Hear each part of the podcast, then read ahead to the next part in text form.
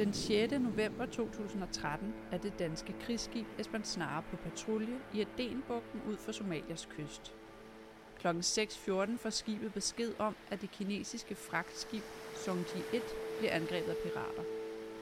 Esbern Snare er mere end dags sejlads for angrebet, men den 9. november får Esbern Snare endnu et nødkald om endnu et fragtskib, som er under angreb. Denne gang er det den danske olietanker Torm Kansas, som bliver angrebet. Esben Snare sejler mod området og overvåger samtidig det enorme havområde, hvor angriberne har fundet sted. De får et mistænkeligt valfangerskib på radaren. Skibet trækker en mindre robåd med påhængsmotor. De danske frømænd bliver sendt afsted i speedbåd. De border valfangerskibet og anholder de somaliske mænd ombord. På skibet finder de en tønde med brændstof til påhængsmotoren, en tønde med vand, et område, hvor der kan laves mad, og flere tønder med brændstof til valfangerskibet. Da de ni mænd bliver fremstillet i retten på Seychellerne tiltalt for pirateri, påstår de, at de er fiskere, men de danske frømænd fandt ingen fiskenet på valfangerskibet og ingen fryser eller køleskab til at opbevare fisk i. De manglende fiskenet, vandtønderne og den store mængde brændstof er blandt de primære beviser for, at de somaliske mænd ombord var pirater og ikke bare fiskere. Men er det nok til at blive dømt for pirateri, at man har sejlet på åben hav med vand, brændstof og uden fiskenet?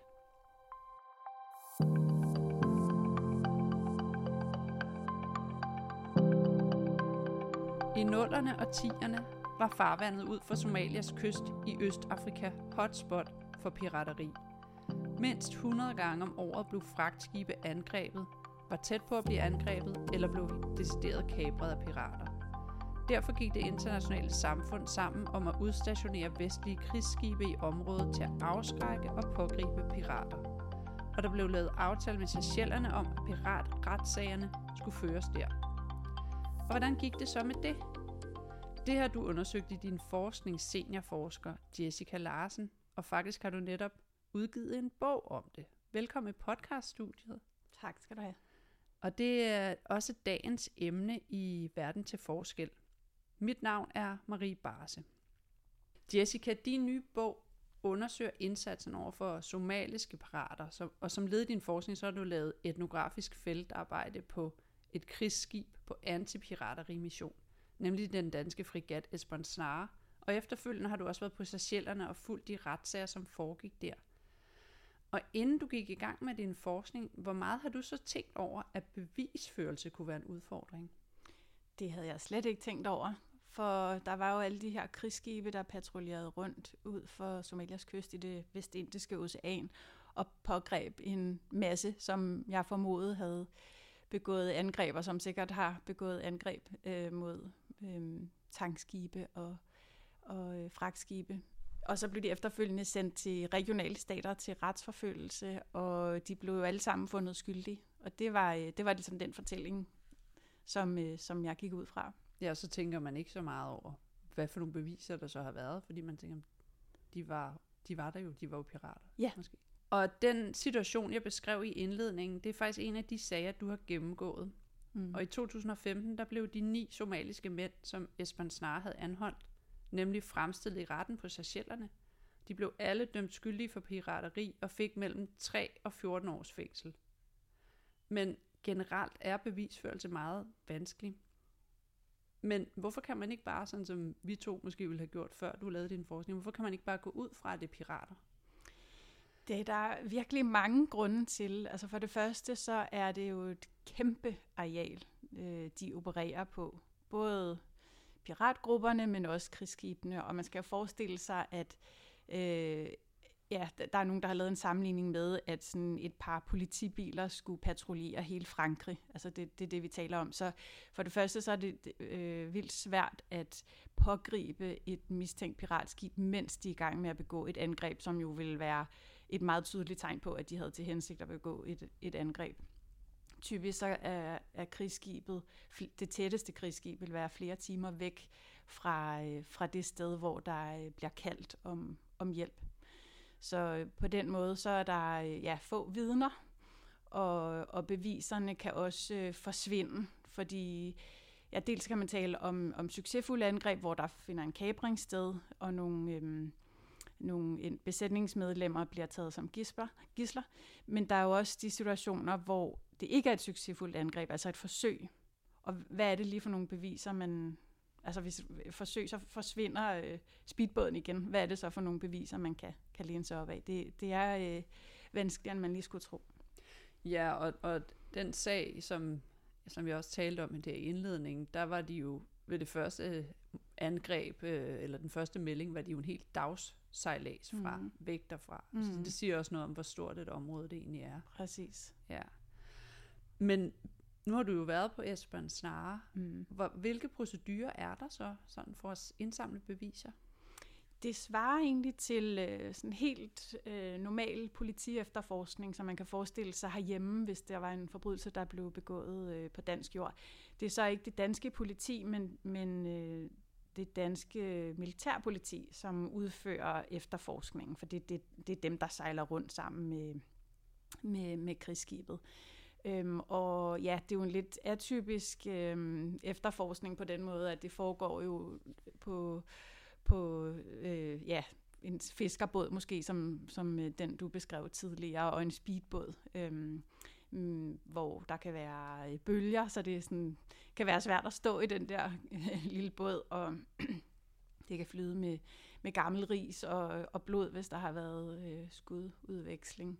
Øhm, og så er det jo simpelthen med at sikre de beviser, som kan tyde på pirateri, og der gjorde altså det, det, ser, det så vi ud for Somalia, men det ser vi så også nu i Guinea-bugten, hvor der er pirateri i, i de her år, at øh, de smider øhm, beviser over bord, og det er så typisk deres våben, men selvfølgelig også stigerne, den stige, de bruger med, sådan, med krog øver, sådan, så de kan hække sig fast på reglingen af det skib, de gerne vil kabre. Det smider de over bord.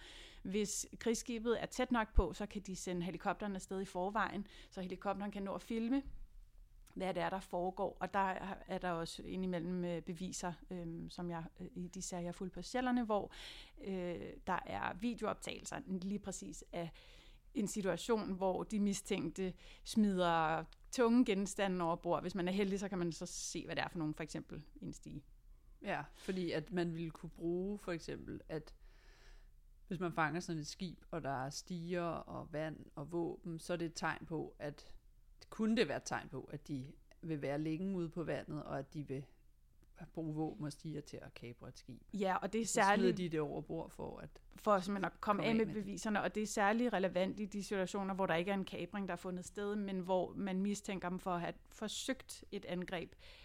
Der har man brug for at bevise deres intention, fordi man kan jo ikke bevise, at de har begået en ulovlig handling, fordi der måske ikke var nogen vidner.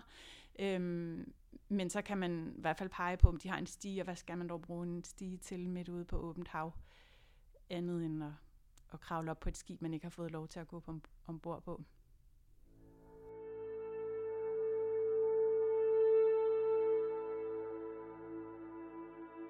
Ja, og i 2008, der gik det internationale samfund sammen med mandat fra FN for at bekæmpe pirateri ud for Somalias kyst, der jo så som nævnt var et stort problem øh, i 0'erne og 10'erne. Og det blev til NATO-missionen Ocean Shield, som Danmark af flere, gange, af øh, flere omgange også bidrog med krigsskib til. Og skibene de patruljerede den her vigtige civile skibsfartrute og tilbageholdt formodet pirater og inden den her NATO-mission gik i gang, der havde man lavet aftaler, som du også øh, nævner, med, med regionale stater, blandt andet den her lille øgruppe Seychellerne og, og Kenya, om at pirateriretssager kunne føres der.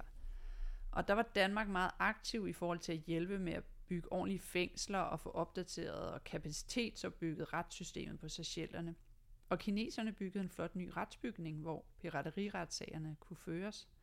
Og du har jo besøgt Seychellerne og besøgt fængslerne og talt med nogle af de indsatte, og så har du også siddet i den her retsbygning mm. og lyttet med. Hvordan, hvordan er det? Hvordan ser det ud? Ja, det er jo det er højeste ret, og på Seychellerne, der føres piraterisager øh, ved højeste ret, de giver op til 30 års fængsel. Så det, det er sådan noget, som højeste ret tager sig af, og det er nemlig rigtig Kina øh, byggede øh, en ny bygning i højesteret. Meget smuk, sådan nyklassicistisk hvid øh, bygning, der står rigtig flot i, i solen. Øhm, og man kan sige, at inde i retslokalet er sådan, det er egentlig ikke så stort, øhm, men der er sådan en, sådan en 5-6 rækker stole til tilhører. Foran det er der to skriveborde, øh, et, en til anklagemyndigheden og en til forsvaren, og det kigger så op mod den anden ende af bygningen, øh, af rummet, hvor der så er øh, et stort gammelt mørkebrunt skrivebord til, øh, til dommeren, som ligesom er oppe på sådan en podie, der er sådan en meter hævet over os andre. Altså ligesom man ser i filmen. Næsten. Ligesom man ser i film. Og, og de, øh, både anklageren og forsvaren og dommeren har de her sorte kapper på, og den hvide paryk, som man kender det fra, fra britiske film. øhm, og så, ja, så procederer de sagen. Ude i siden, der sidder så de mistænkte. Det er jo i piraterisager er det sådan mellem 5 og 10 personer. De sidder bænket øhm, i den ene side bag sådan nogle hvad kan man sige, sådan, en sådan træbur faktisk med sådan nogle trælameller. Øhm, ikke for at lukke dem inde, fordi der er faktisk åbent i den ene side, så de kan egentlig bare gå ud. Trægitteret har ikke nogen funktion andet, end at de ser lidt dårligt, fordi der er det dårlige udsyn. Og hvordan bliver der så ført bevis for, for pirateri? Altså, hvad kunne være eksempler på sådan bevisførelse? Ja, det er jo, øh, der, der bliver virkelig ført hvad man sige, udførlige beviser fra anklagemyndighedens side. Det fulgte sådan en, en guideline, der blev lavet ret tidligt, øh, som øh, ja, Justitsministeriet på Socialerne, som, som også blev udsendt til alle de lande, som sendte krigsskibe, sådan så at for eksempel det danske militærpoliti sørgede for at få alt den type beviser, som var nødvendigt for at føre en retssag. Så er det anklagemyndighedens job at fremlægge alle beviserne og, øh, og føre en masse vidner, og det er en hel række vidner fra, fra krigsskibet, som er med til at opbringe det mistænkte piratskib. Hvis man er held, og det, det, det er så øh, en, der har været med i helikopteren, hvis man sendte en helikopter ud, der har filmet øh, de ting, der blev smidt over bord, for ligesom at forklare, hvad det var, der foregik, så er det typisk en fra militærpolitiet, der har haft med de mistænkte at gøre, øh, og ligesom samlet beviserne. Og så vil man typisk også øh, have øh, skibschefen fra krigsskibet, altså krigsskibets øh, kaptajn, med som vidne. Og hvis man så er heldig og kan lokalisere dem, så vil man også rigtig gerne have besætningsmedlemmer fra det skib, der enten blev øh, kabret eller forsøgt angrebet. Og hvis der har været øh, bevæbnet vagter ombord, så vil man selvfølgelig også gerne have sådan et vidne. Og det kan tage flere dage. Der er jo nogle sager, for eksempel i øh, situationer, hvor det, ikke, hvor det er et mislykket angreb. Så når dem, som man mener har begået pirateri, jo slet ikke tæt nok på nogle vidner, der så kan identificere, at dem, der sidder i retssalen, er, det, er de samme, som forsøgte at angribe. Og hvis krigsskibet er en halv dag undervejs, kommer frem til nogle GPS-koordinater, og tager nogen til fang, eller tilbageholder nogen, som de mener kan være de mistænkte. Så man ved jo reelt ikke, om det er de rigtige mennesker.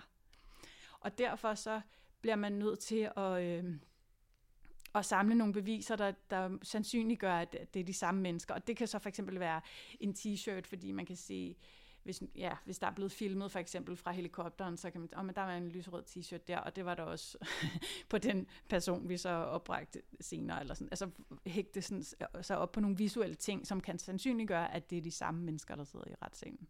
Så, så det er jo ikke, fordi det er ulovligt at have en, en, en lyserød t-shirt på, men det er bare med til at sandsynliggøre sådan hele billedet. Når der ikke er nogen fysiske beviser, så må man øh, lægge sig op af den video, hvor man enten kan være heldig at se, at der bliver smidt våben over bord eller en stige, eller som det også skete i nogle af sagerne, så kan man, det er jo så ikke alle sammen, jeg har fulgt, men jeg har jo læst alle øhm, udskrifterne fra retsbogen og også øh, domsafsigelserne, og der kan man se, at dommeren ligger til grund, at at man kunne se på videoen, at der blev smidt tunge ting over bord, så de refererer til sådan heavy splashes, altså sådan, at det gav et ordentligt plask, hvilket vil sige, at det var noget tungt, og så gik man ligesom ud fra, at det var for eksempel noget jern fra en stige eller nogle våben. Ja, så det er, hvis helikopteren er nået hen og filme. Ja, øhm. ja. og ellers så er det jo vidneudsagn. Forsvaren vil typisk øh, anbefale, at de mistænkte ikke, eller de anklagede ikke øh, siger noget, fordi de er lidt bange for, at, øh, at de skal miskreditere sig selv, eller sige noget, som ikke øh, er i deres interesse. Men så kan man sige, at de er repræsenteret igennem der, de interview, som politiet laver med dem i starten, hvor de jo konsekvent siger, at de er fiskere. Og så siger anklageren selvfølgelig, men der var ikke nogen fiskenet. Ja, men til gengæld var der måske men der var våben. rigtig meget vand, eller våben. Ja, eller, og, ja, og det her med noget. rigtig meget vand og rigtig meget brændstof, det er jo ikke inkriminerende i sig selv, men grunden til, at man synes, det mistænkelige er, at øh, det tyder på, at man har i sinde at blive ude til søs i rigtig mange dage, mere end der måske er en- del af normalbilledet i det farvand. Øhm, og det tyder så på, at man ligger der og venter på, at der kommer et skib forbi, som kunne være interessant at kapre. Så er det det, der er typisk for sagerne på Seychellerne, det er, at forsvaret ikke fører nogen sag, faktisk. En af dem, som jeg interviewede, han, han, han lavede typisk det, som man kalder no case to answer, hvilket bare vil sige, at han siger til dommeren, ved du hvad, anklagemyndigheden har sgu ikke en sag, undskyld.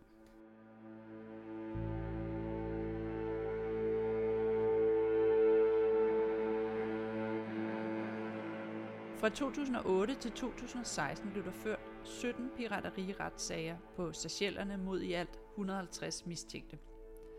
Alle blev dømt skyldige, men i seks af sagerne der valgte de dømte at anke afgørelsen. Og hvad skete der så? Der skete det, at i fem af sagerne, der fik de medhold. Og det fik de af mange af de grunde, vi lige har talt om, at dommeren påpegede, at det simpelthen, at bevisførelsen ikke havde været stærk nok. At der simpelthen manglede beviser på, øh, at de havde begået noget ulovligt. Ja, simpelthen måske fordi, at man var kommet så lang tid efter, så det kunne være et andet skib, der var der, end det skib Ja, med ham med den lysrøde t-shirt, Ja. for eksempel.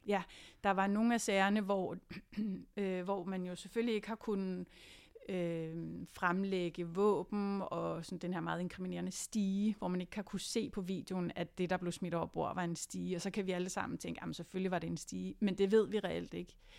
Så var der andre sager, hvor dem, som sad i vidneskranken, ikke med sikkerhed kunne sige, at dem, de, de anklagede var de samme, som havde forsøgt at øh, kapre deres skib. Og sådan nogle ting øh, lagde dommerne til grund øh, i, i ankesagen, øh, som jo virkelig peger på nogle alvorlige retssikkerhedsbrister, også selvom vi alle sammen kan sige, jamen, altså, hvad skulle de ellers lave derude?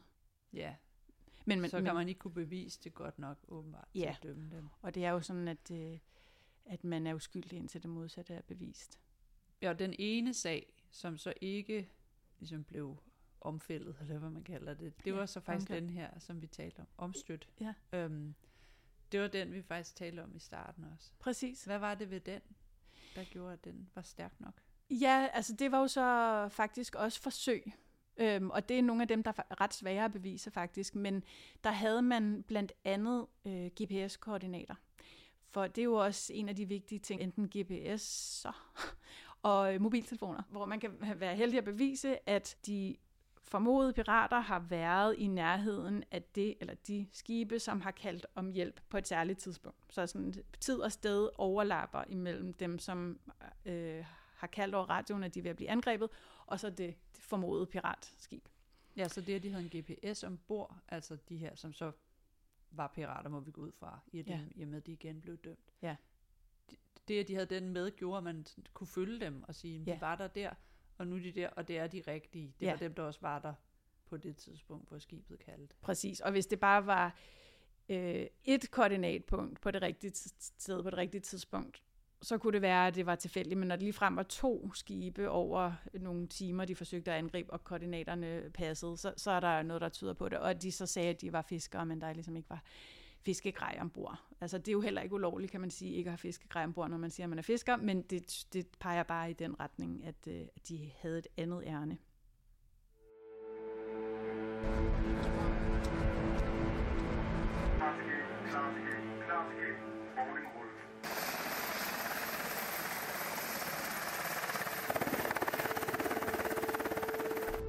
I dag er problemerne med pirateri ud for Somalias kyst aftaget meget.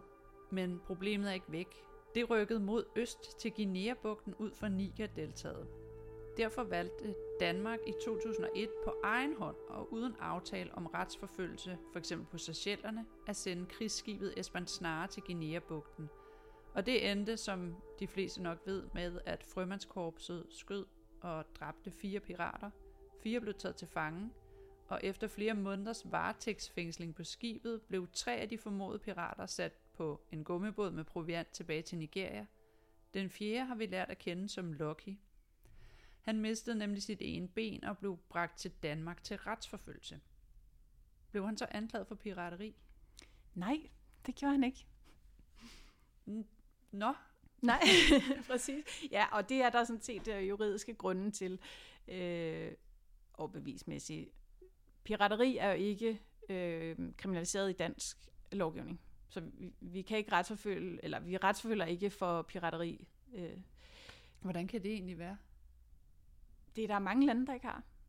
Ja. Og en af FN's hovedopgaver, da somalisk pirateri blev en ting, det var faktisk at opdatere de regionale staters strafferet, sådan så de overhovedet var i stand til at føre piraterisager.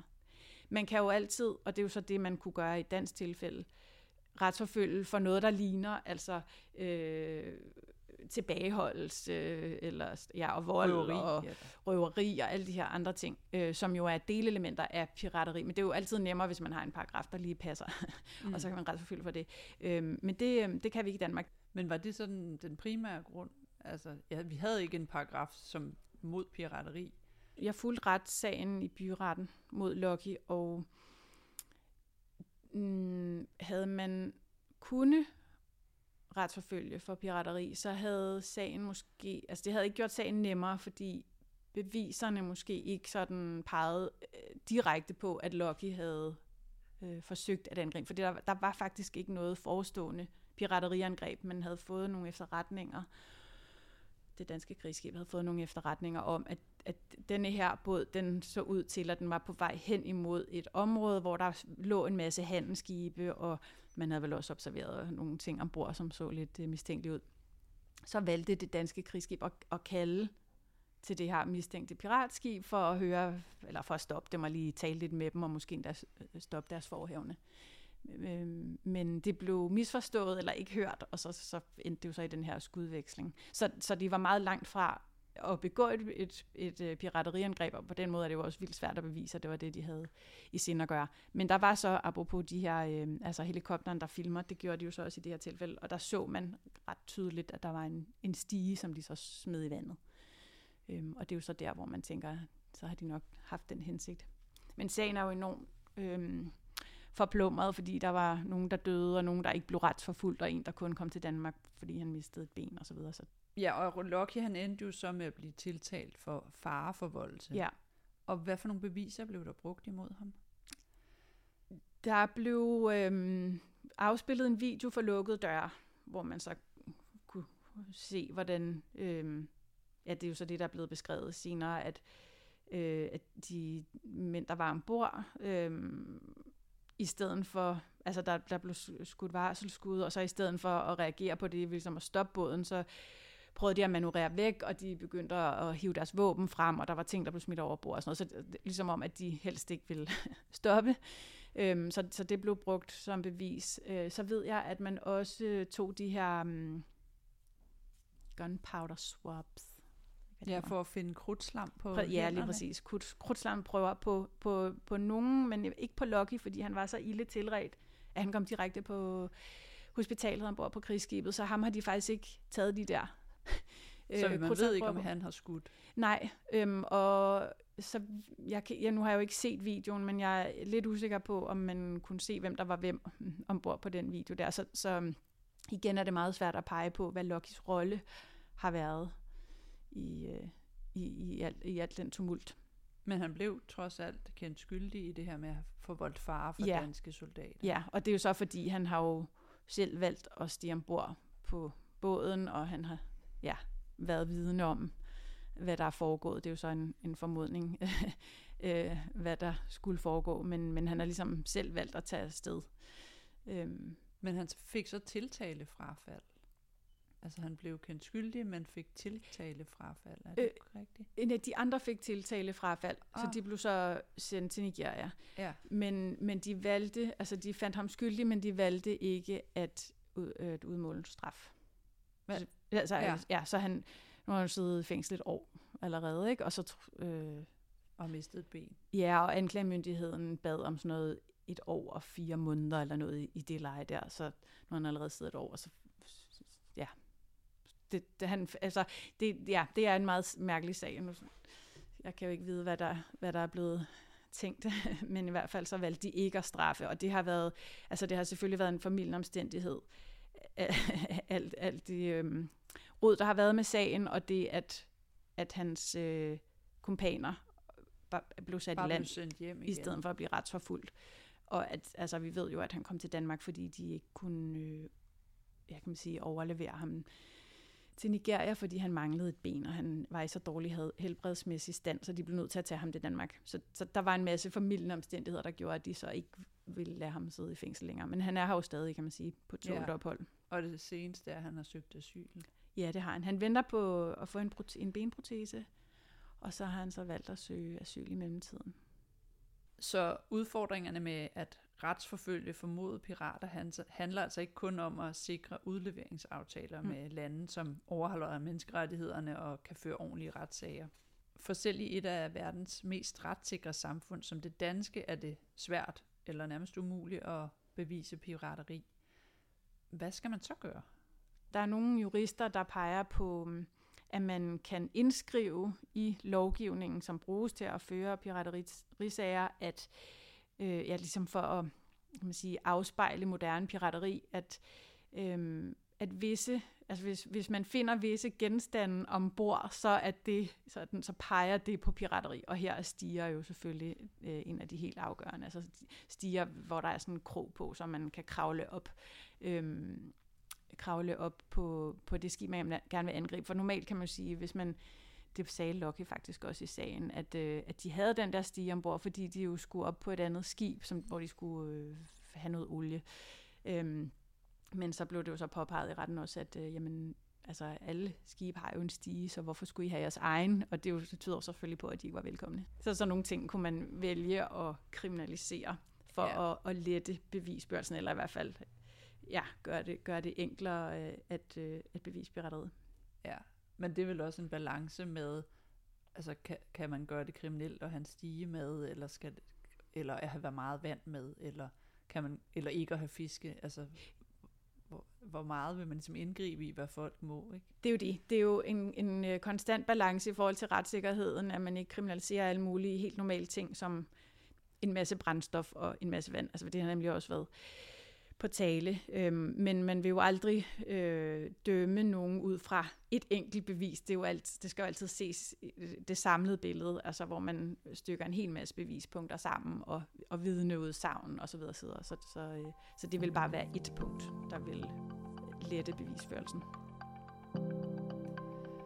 Ja, og øh, med de ord, så vil jeg sige tak, fordi du var med i dagens podcast, Jessica Larsen. Selv tak. Og til dig, kære lytter, tak fordi du lyttede med.